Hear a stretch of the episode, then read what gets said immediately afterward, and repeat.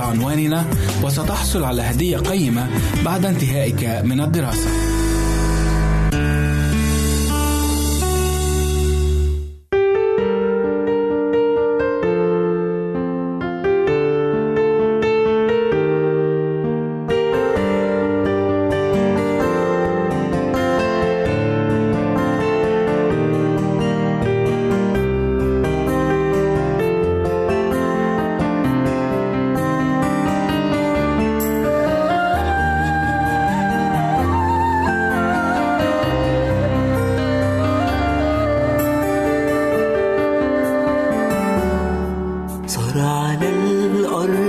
سلام. بيب الناس المسرة صار على الأرض سلام. بيب الناس المسرة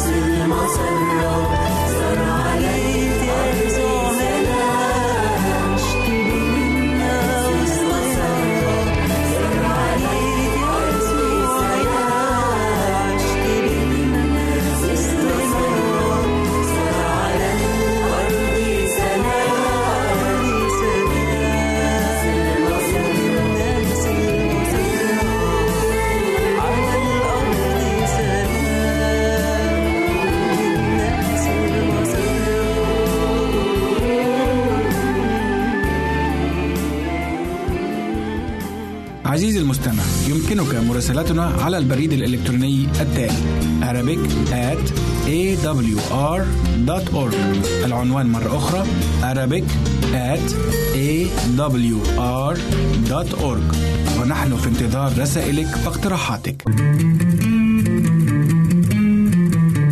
أنتم تستمعون إلى إذاعة صوت الوعي.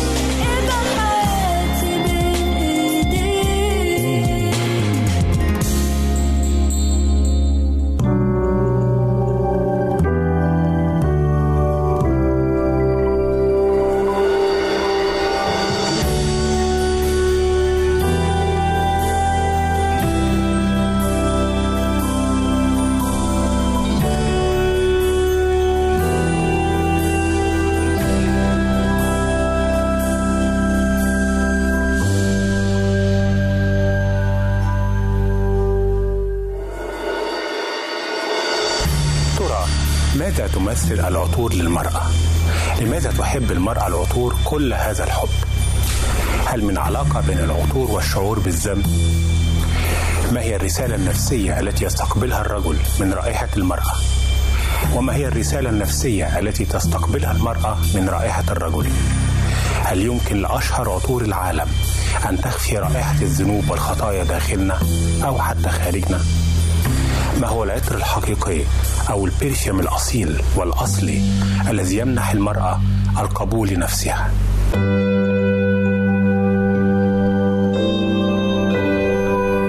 أهلا وسهلا بكم في حلقة جديدة من برنامج علاقات رمادية شخصية اليوم ممكن نديها العنوان ده ساكبة الطيب ورائحة الذنب Yves Saint Laurent Dior Givenchy Gucci إيلي صعب كلها أسماء ماركات عطور عالمية بنعرفها وبنستعملها للمرأة والرجل.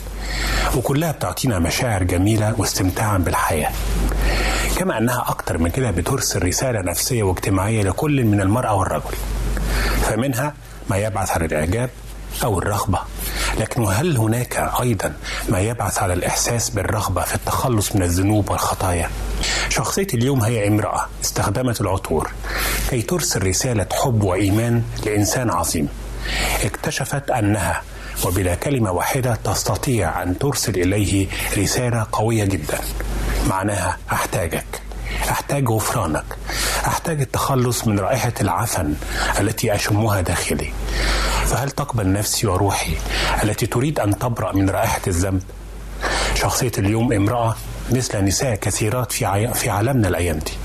تحاول إخفاء رائحة الذنب والشعور المميت برائحة صعبة اجتماعية السمعة غير الطيبة. بكثير من العطور والبرفانات الغالية.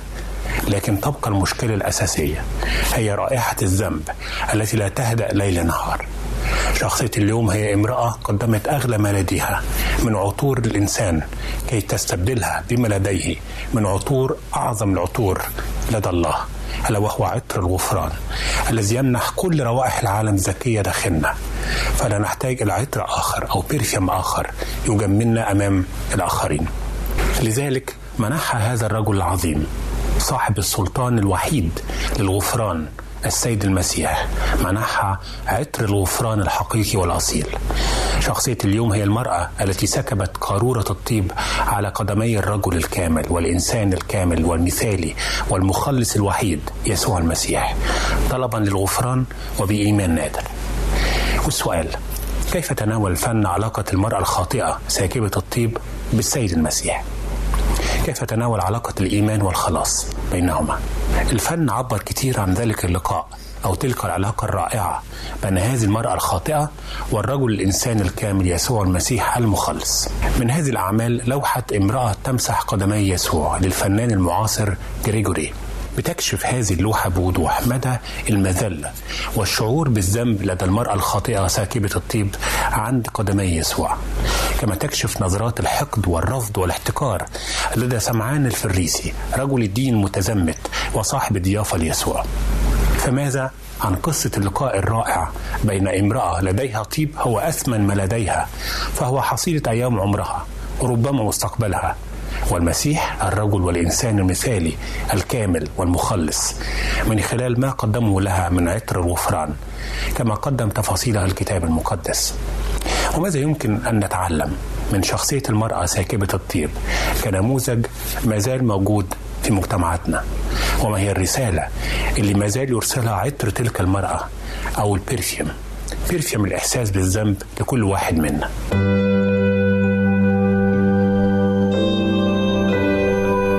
بنسأل تاني كيف تناول الكتاب المقدس شخصية المرأة الخاطئة ساكبة الطيب بجمال ونعومة ودقة في لقائها مع السيد المسيح؟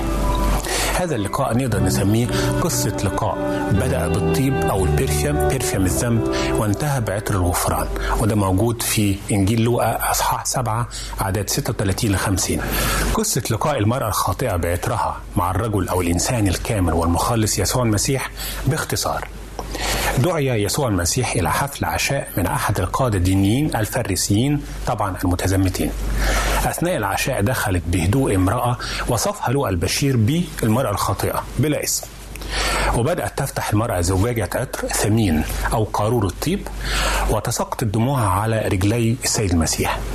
فكانت تمسحهما بشعر رأسها وتقبل قدميه وتدهنهما بالطيب أو العطر الذي معها طبعا اعترض القائد الديني صاحب الدعوة على ما حدث لأنها امرأة خاطئة حقيرة في نظره ولا يحق لها حتى الدخول إلى بيته أو التعامل بهذا الشكل.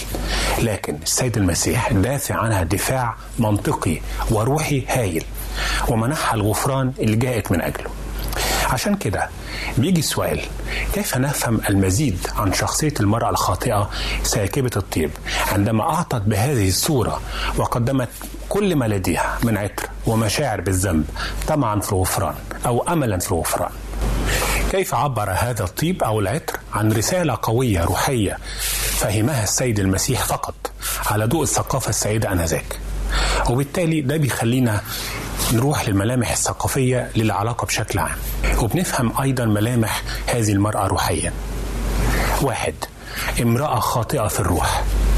لم يذكر لوقا اسم هذه المرأة في المقطع الكتابي اللي سرد قصتها أو لقاء بالسيد المسيح. لكن البشير لوقا بيصفها بالقول هناك امرأة في المدينة كانت خاطئة. تفسير صعب. وكانت أو وصف صعب لهذه الشخصية. وكانت معروفة لدى القادة الدينيين بأنها خاطئة. اثنين امرأة خاطئة تحديدا في العلاقات. يبدو من السياق الكتابي أنها كانت شهيرة بالعلاقات الدنسة مع الرجال. لأن هذا النوع من الخطية كان يعرف على الملأ. كما أن التعبير الأصلي المستخدم لكلمة خاطئة بيعني أنها خاطئة في العلاقات الجنسية تحديدا. ثلاثة امرأة تعرف الحب الإلهي مع أنها خاطئة إزاي؟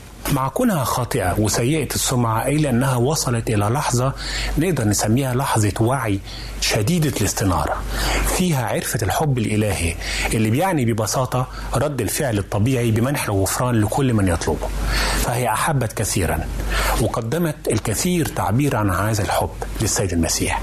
ليه؟ لأنها كانت بتتوقع بالإيمان فقط بالإيمان أن ذلك السيد العظيم المعلم فعلا هيمنحها الغفران. كم هائل من الغفران. لما قال لها إيمانك قد خلصك. فعلا. وقد كان. أربعة امرأة مرهفة الإحساس. دموعها الغزيرة على قدمي المسيح وسجودها العميق الصامت بيؤكد بقوة أن تلك المرأة كانت شخصية مرهفة الإحساس. لديها عواطف ومشاعر متأججة مرهفة. بعكس النظرة اللي كانت سعيدة آنذاك ويمكن حتى الأيام دي. النظرة اللي بتظهر المرأة الساقطة وكأنها بلا مشاعر وبلا إحساس. فإن كانت دي الملامح الروحية للمرأة الخاطئة القليلة الواضحة لينا. المرأة ساكبة الطيب على قدمي يسوع المسيح زي ما رسمها الكتاب المقدس. ماذا عن الملامح النفسية لشخصية المرأة الخاطئة دي؟ كامرأة يمكن أن تكون نموذجا لنساء كثيرات في عصرنا. ما زلن يشتقن إلى الخلاص من ذنوبهن. وما تأثير ذلك على علاقة أو نظرة المجتمع إلى مثل تلك النوعية من النساء في أيامنا هذه؟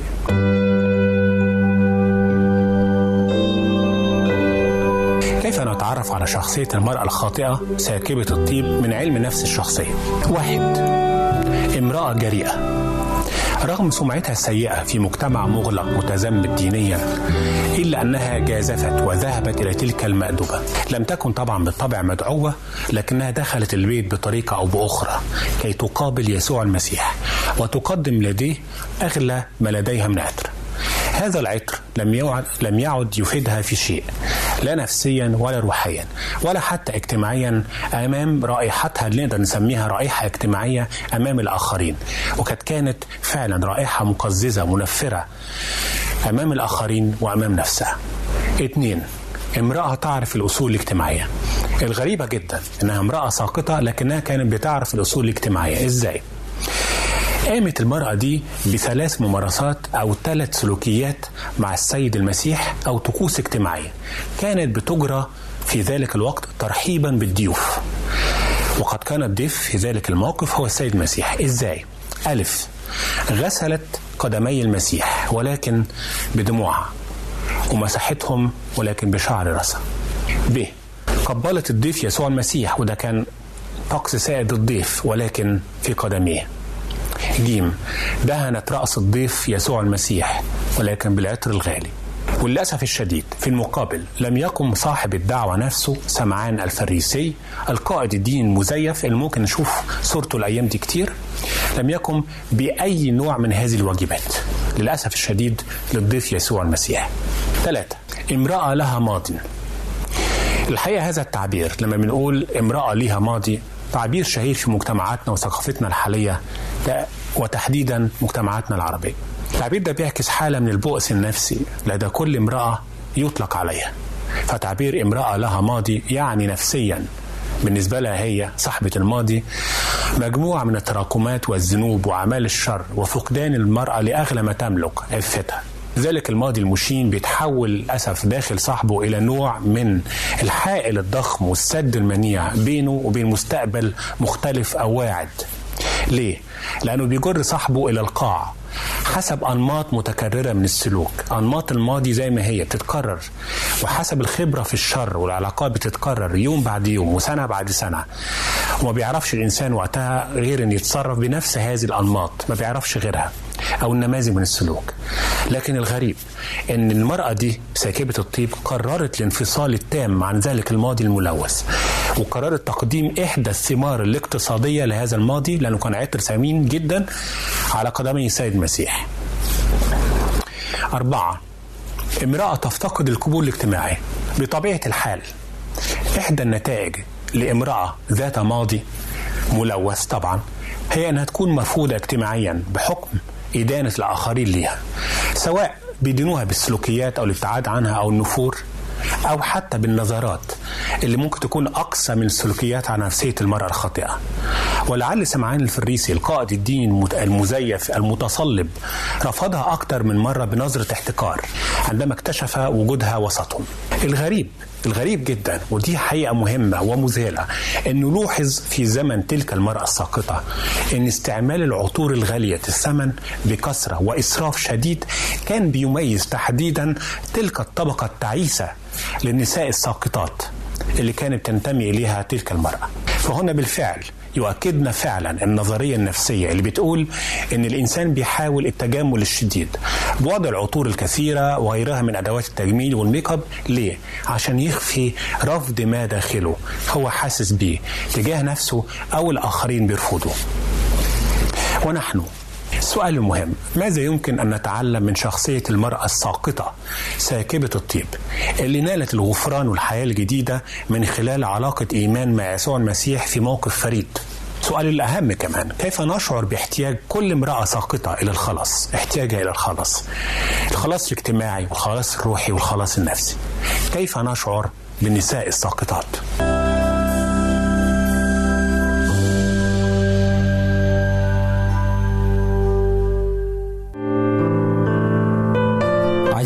المستمع يمكنك مراسلتنا على عنواننا الإلكتروني Arabic at awr.org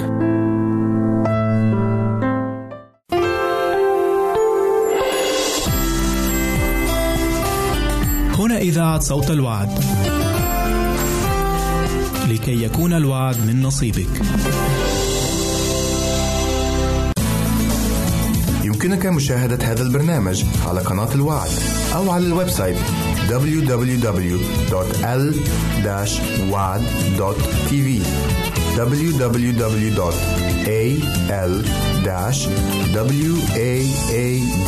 www.al-waad.tv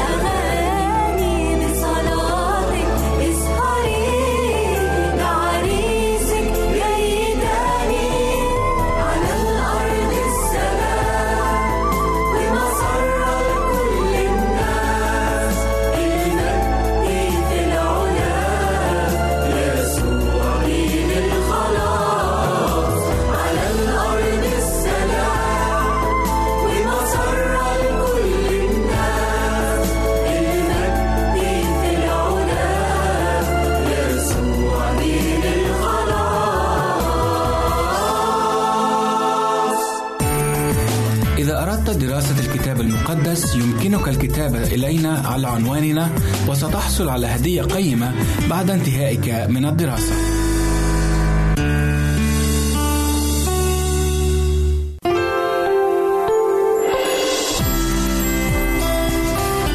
هنا إذاعة صوت الوعد. لكي يكون الوعد من نصيبك.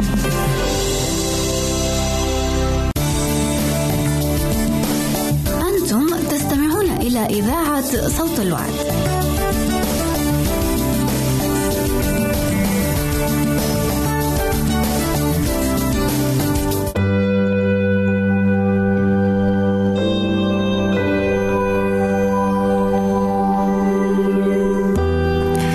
استعرضنا بعض الملامح الفنية والروحية والنفسية للمرأة الخاطئة ساكبة الطيب وجه السؤال دلوقتي المهم.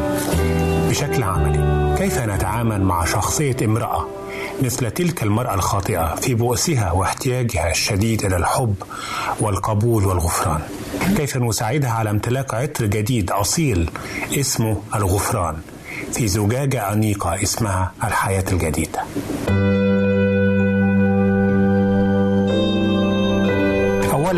روحيا كيف يتعامل السيد المسيح مع مثل هذه المرأة؟ واحد قبول عطر التوبة. كان الطيب الغالي الثمن آنذاك. الحقيقة والمقدر بمبالغ طائلة. هو تعبير عن شيئين أو قيمتين مهمتين أرسلت من خلاله تلك المرأة الخاطئة رسالتين مهمتين إلى سيد الغفران ومعلم التوبة يسوع المسيح. ألف. الماضي في زجاجة عكر كان لسان حال تلك المرأة الساقطة الماضي هحوله إلى عطر مبذول لأجلك. لقد كان ذلك الطيب أو العطر محصلة حياة الشر بالماضي لهذه المرأة. لكن هي بإيمان عجيب.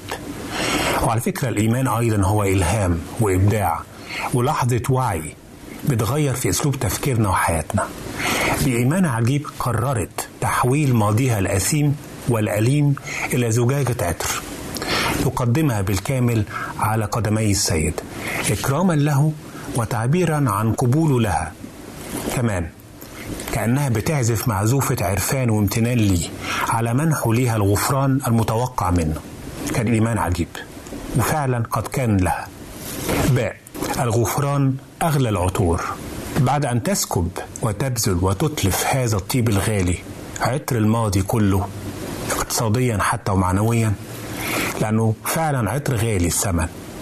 لأنه كان حصيلة أيام العمر والشباب اللي ضاعت هباء في علاقات متعددة في حياة السكوت.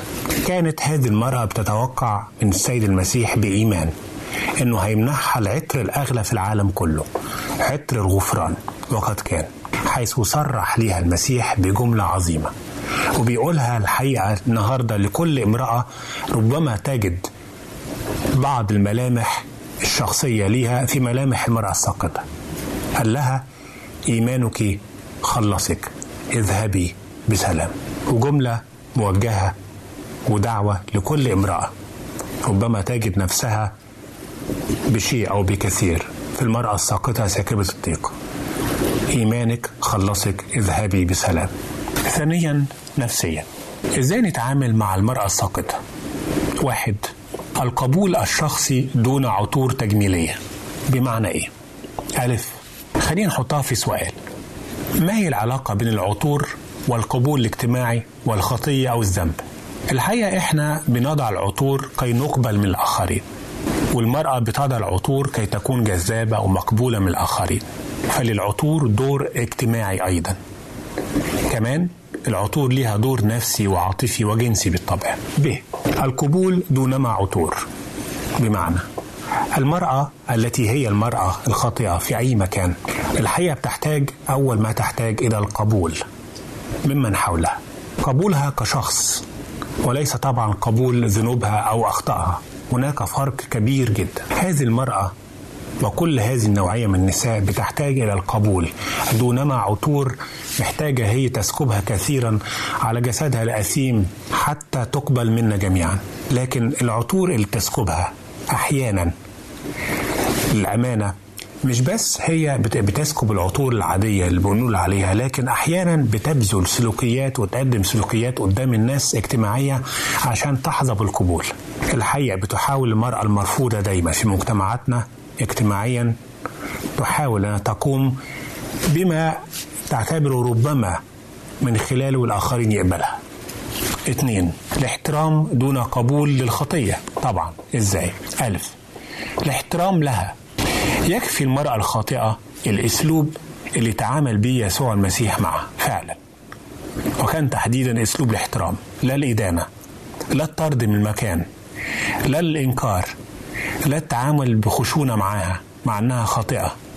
لكنه الغريبة جدا أنه تعامل معها باحترام شديد مع إنها خاطئة تستحق التحقير من وجهة نظر مجتمع مغلق على ذاته روحيا ودينيا.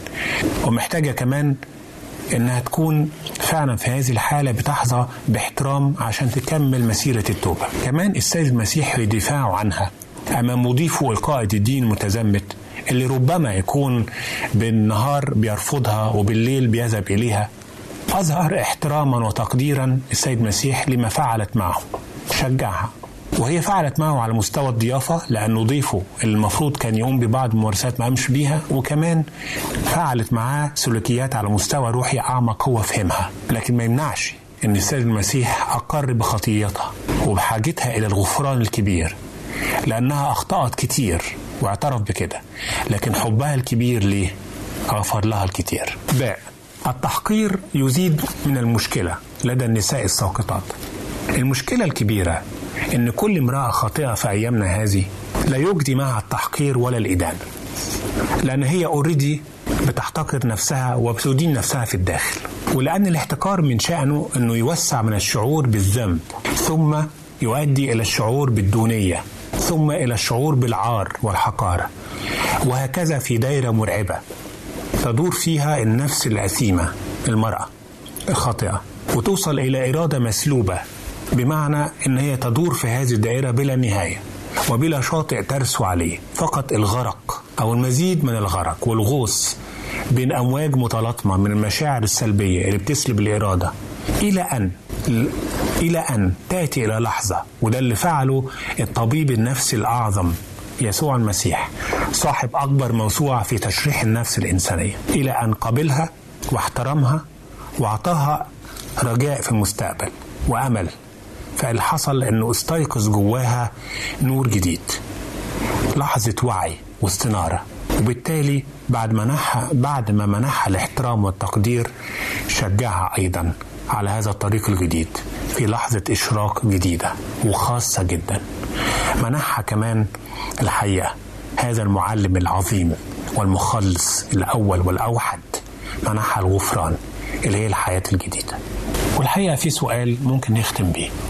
وهو طب إيه بديل الاحتكار والإدانة للنساء الساقطات من حولنا إذا الظروف دفعتنا للتعامل معهم بشكل أو بآخر؟ الإجابة الحقيقة ممكن تكون في عنوان وردة بيضاء لروح سوداء. إن كانت الورد إن كانت الورود أو الزهور هي المصدر الرئيسي طبعا لكل عطور إلى جانب إضافات أخرى كثيرة من المواد الطبيعية في كل البرفيومز الحقيقة كل امرأة ساقطة أو خاطئة إحنا شايفينها خاطئة أو ساقطة تحتاج إلى وردة بيضاء. تحديدا ربما رمز للنقاوة اللي بتفتقدها. مش تشجيعا على السلوك الخاطئ اللي هي ماشية فيه لكن يمكن الوردة دي بتديها رسالة خاصة جدا. إيه هي؟ الحقيقة كان في قصة حدثت من بعض الإرساليات المسيحية اللي كانت بتفتقد تحديدا النساء الساقطات أو البغايا في لندن. كانت هذه الإرسالية بتجوب شوارع لندن وبتعطي وردة بيضاء من واحدة امرأة من الخادمات بتعطيها لأي امرأة ساقطة واقفة في شوارع لندن. وده كان بتقوم بيه جيش الخلاص إرسالية جيش الخلاص أو خدمة جيش الخلاص. في يوم من الأيام هذه المرأة الخادمة أعطت وردة بيضاء لامرأة ساقطة. واللي حصل إن هذه الوردة البيضاء أيقظت روح تلك المرأة السوداء المرأة السوداء في روحها. وسيطرت فكرة النقاوة والبياض على كل كيانها. وقت إهدائها تلك الوردة وأخذت وأخذت تقارن بين بياض تلك الوردة وبين السواد اللي بيغمر روحها. الحقيقة الوردة دي مجرد الوردة البسيطة البيضاء. أثارت وحيا جديدا ويقظة روحية جديدة في نفس تلك المرأة الساقطة وخلتها تقارن بين حياتها الماضية واشتياق أنها تكون فعلا من جديد وردة بيضة وسلمت حياتها لصاحب أجمل الورود البيضاء أو ورود الغفران يسوع المسيح. عايز أختم وأقول أولا للرجال. الرجل أحيانا هو من يدفع المرأة إلى السلوك المشين ثم يدفع لها المال من أجل ممارسة السلوك المشين. ففي مسؤولية على الرجل. ثانيا للمرأة الساقطة. رغم كل التجريح من حولك. رغم كل الإدانة والاحتقار في نظرات الآخرين وسلوكياتهم في شخص واحد. راجل حقيقي مثالي وإله كامل. شخص السيد المسيح. بيحمل ورود بيضاء كثيرة من أجلك. يعطيك perfume جديد perfume الغفران. وإلى حلقة قادمة إن شاء الله.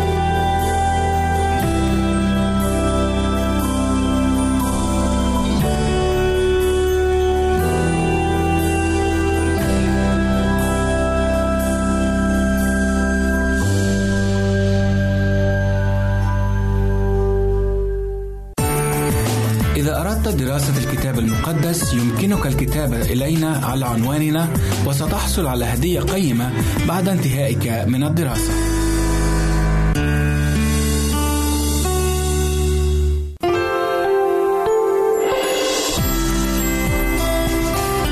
هنا إذاعة صوت الوعد. لكي يكون الوعد من نصيبك.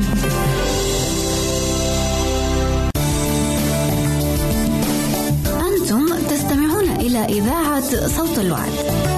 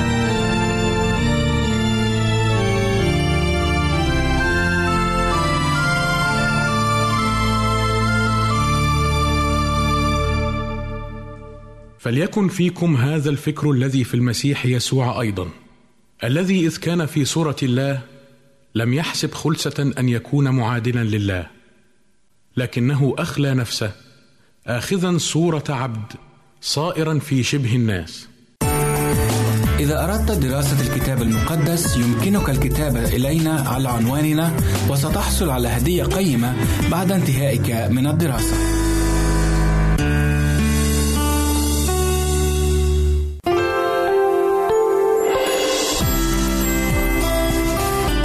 هنا إذاعة صوت الوعد. لكي يكون الوعد من نصيبك.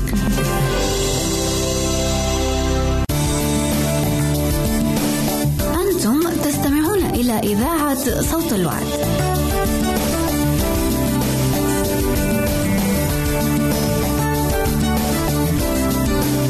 أهلا وسهلا بكم أحبائي المستمعين والمستمعات في حلقة جديدة من برنامجكم أمثال الحكيم حكمة اليوم مأخوذة من سفر الأمثال إصحاح عشرة وعدد 23 يقول الحكيم فعل الرذيلة عند الجاهل كالضحك.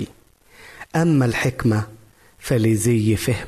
حكمة النهاردة سليمان الحكيم بيتكلم أحبائي عن فعل الرذيلة عند الجاهل قد ضحك أما الحكمة فللناس اللي عندهم فهم.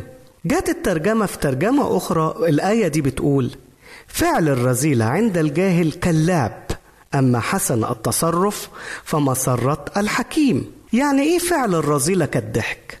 الجاهل دايما بيعمل الخطية بيعمل الشر كأنه بالظبط بيضحك بيهزر بيمزح ما ما مش مكثر باللي بيعمله.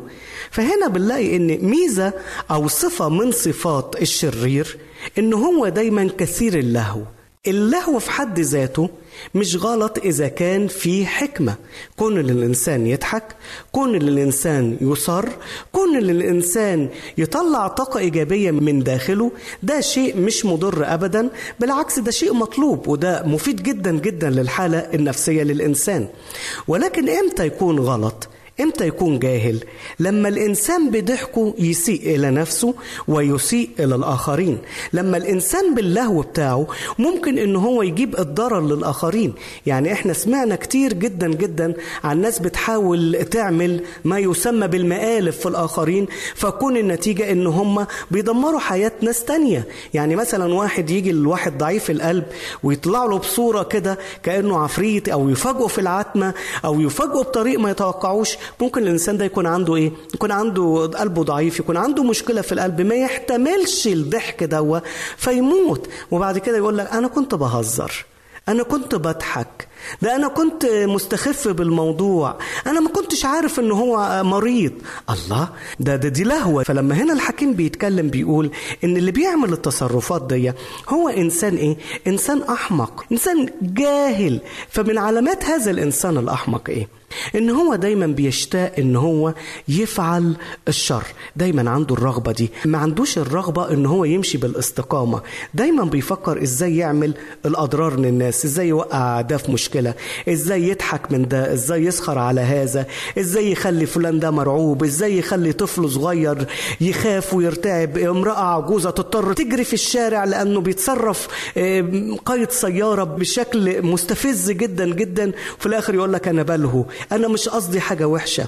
ده مش اسمه لعب ده مش اسمه مزاح ده اسمه استهتار اسمه استهتار بمشاعر الناس. والكتاب بيقول إن اللي بيعمل كده إنسان إيه؟ إنسان جاهل. ليه؟ لأن الإنسان العاقل عنده شعور بالآخرين. الإنسان العاقل عنده إحساس بالآخرين. الإنسان العاقل دائما يعلم نتيجة أعماله إيه. وعشان كده دايما تلاقي الإنسان العاقل ما يتصرفش تصرف حد يلوم عليه بعد كده. دايما بيحسب حساب التصرف قبل ما يعمله. والإنسان العاقل كمان يا أحبائي اللي ما عندهوش لهو مزاح في حياته هو الإنسان اللي هو عنده تحكم في دوافعه تحكم في رغباته لكن الإنسان اللي بيلهو بالآخرين دايما تلاقيه إنسان ما عندوش ضبط نفس ما عندوش ابدا. النقطة دي يفتقدها. ليه يفتقدها؟ لأنه بيمشي رغباته أكتر ما بيمشي ورا عقله. بيلبي نداء شهواته أكتر ما بيلبي نداء عقله. وده اللي حصل مع واحد من أولاد داود اسمه أمنون. أمنون كان ابن داود وللأسف كان الابن الكبير كمان كان المفروض اللي يورث داود. بس للأسف الشديد كان إنسان جاهل لاهي في حياته. عمل إيه؟ أحب أخته ليه. أخت ليه. أخته بنت داود أيضا ولكن من أم تانية. وأحبها وكان اسمها سمار. حب بكل الطريقة كان قدامه طريق مختصر إنه يروح لداود ويقول له يا بابا أنا عايز أتجوز دي يا بابا ممكن يقول له أمين ممكن كذا ممكن كذا. والموضوع يمشي بالطريق الإيه؟ المستقيم. ولكن أمنون فكر بطريقة تانية لدرجة إنه هو تعب تعب تعب. نفسه إنه هو آه، يشبع رغبته الدنيئة من أخته ثمار لكن مش عارف إزاي. فجاه واحد من أصحابه وللأسف الشديد لما يكون كمان الصاحب شرير زي الإنسان ما هو شرير؟ بتكون النصيحة في الآخر مدمرة. قال له طب ما تقول لها تيجي هنا عندك وإن اعمل نفسك مريض وبعد كده هي تعمل لك فطيرة وإنت تغتصبها بالإكراه. وده اللي حصل. ثمار جات له وبعد كده اعتدى عليها واغتصبها والكتاب بيقول إنه كرهها أكتر من المحبة اللي كان بيحبها أمنون لثمار قبل كده. ليه؟ ليه اللهو ده؟ اللهو ده ساب ثمار مدمرة ساب ثمار بشعة مش قادرة تنسى الموقف ده. وقلعت ثياب عذريتها اللي كان بنات الملوك بيلبسوها وفضلت إنها تحزن وتكتئب. ومش عارفين المشكلة دي انتهت إزاي في حياتها ولكن عارفين إن بس تصرف أمنون إن خلى أبشالوم أخو ثمار ينتقم من أمنون ويقتله. وجاب الدمار أمنون على نفسه وعلى سمعة أبوه الملك وعلى أخوه أبشالوم وعلى ثمار بسبب اللهو بسبب المزاح بسبب أن هذا الإنسان لا يشعر بقيمة الحكمة. وعشان كده كان اللهو بتاعه غير محسوب. فكانت النتيجة دمار لنفسه اتقتل ودمر لسمعة أبوه ولعيلته كلها. هنا بنلاقي إن الإنسان الأحمق دايما بيعمل الخطية بدون أن يفتكر بالعكس ده بيسعى كمان لفعلها الإنسان الأحمق اللي اتكلم عنه سليمان الحكيم هنا أيضا بيوصل لدرجة من التقصي. يعني إيه؟ ضميره بيقسى وضميره لما يقسى ما يقدرش يميز بين الصح والغلط. الروح القدس بينسحب منه. ولما الروح القدس ينسحب من هذا الإنسان الإنسان ده ما يقدرش يشعر إن اللي عمله ده صح أو غلط. الكتاب بيقول على الناس دي إنهم إيه؟ يشربون الإثم كالماء. يعني زي ما الواحد كده لما يكون عطشان ويشرب شوية مية آه يشتاق للمية دي الخاطي بيشتاق للخطية. مفيش حاجة بتأنب ضميره؟ لا. مفيش حاجة بتقول له عيب؟ لا. ليه؟ لأن روح ربنا انسحب منه. انسحب منه ليه؟ وصل للخطية التي لا تغتفر ليه؟ لأن قلب وضمير هذا الإنسان قد تقصيا ورفض كل الرفض الانقياد إلى روح الرب. فكون النتيجة دمار أبدي وضمان أيضا زمني. ليه؟ لأنه ما بيسمعش ولأنه قفل الطريق أمام الروح القدس. لكن هنا العكس بقى. يجي سليمان ويقول إيه؟ أما الحكمة فلذي فهم. أما الحكمة فلذي فهم. مين هو رجل الحكمة؟ رجل الحكمة يا أحباء اللي بيتكلم عنه الحكيم هنا هو الشخص اللي بيسمع لروح الله القدس. هو اللي بيسمع لروح الله عنده ودان حساسة. عشان كده الروح القدس في أكثر من موضع في سفر الرؤيا يقول إيه؟ من له أذنان للسمع فليسمع ما يقوله الروح. يعني إيه يسمع ما يقوله الروح؟ اللي ليه ودان اللي ليه أذان هم دول اللي هيسمعوا. كل البشر عندهم أذان ولكن في ناس سد هذه الأذان أفلاها. مكتوب عليها مغلق مغلق ها؟ ما بيستخدموهاش ابدا ابدا ابدا. ليه؟ لأنهم مش عايزين يسمعوا نصيحة الغير. لكن الرجل الحكيم دايما بيقول له يا رب يا رب خليني أسمع كلامك. يا رب خليني أسمع صوتك. يقول كده مع الطفل صموئيل تكلم لأن عبدك سامع. تكلم لأن عبدك سامع. يا رب أنا عايز أسمع صوتك. اتكلم أنا سامع يا رب. ده الراجل الحكيم اللي ليه مكان جوه قلب الرب والرب ليه مكان جوه قلبه. بيسمع لصوت الروح القدس. قلبه طري لين كده. أول ما ربنا يقول له على حاجة ما يعاندش ما يكبرش. ما يقولش ليه؟ ما يقولش لا وده حريتي. يقول له حاضر يا رب.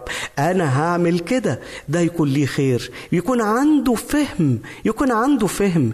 وعشان كده ينطبق عليه القول اللي موجود في سفر الجامعة 11 وعدد تسعة. بيقول أيضا سليمان الحكيم افرح أيها الشاب في حداثتك وليسرك قلبك في أيام شبابك وأسلك في طريق قلبك وبمرأى عينيك واعلم أنه على هذه الأمور كلها يأتي بك الله إلى الدينونة. اعمل اللي أنت عايزه. ولكن اعلم أن ربنا هيجيب كل عمل أنت بتعمله أيها الإنسان إلى الدينونة.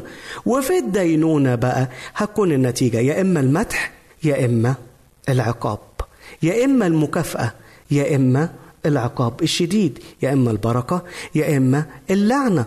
الرب هيجي ويضع كل أعمالنا إلى الدينونة. فخلي بالك من ضحكك خلي بالك من هزارك خلي بالك من كلامك خلي بالك من تصرفاتك. ربنا هيجيب كل الأعمال اللي إحنا بنعملها ويقول تعالى أيها الإنسان أنا هحاسبك على هذه الأعمال. يا ترى لما هنقف قدام ربنا هيكون الحساب من أي نوع؟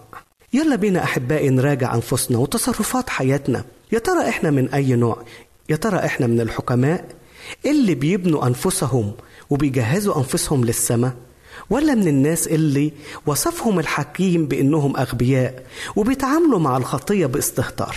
ممكن النهارده كل واحد فينا يجلس مع نفسه 15 دقيقة ويراجع نفسه بس نراجع تصرفاتنا ونطلب من الروح القدس إنه يعمل لينا فحص داخلي.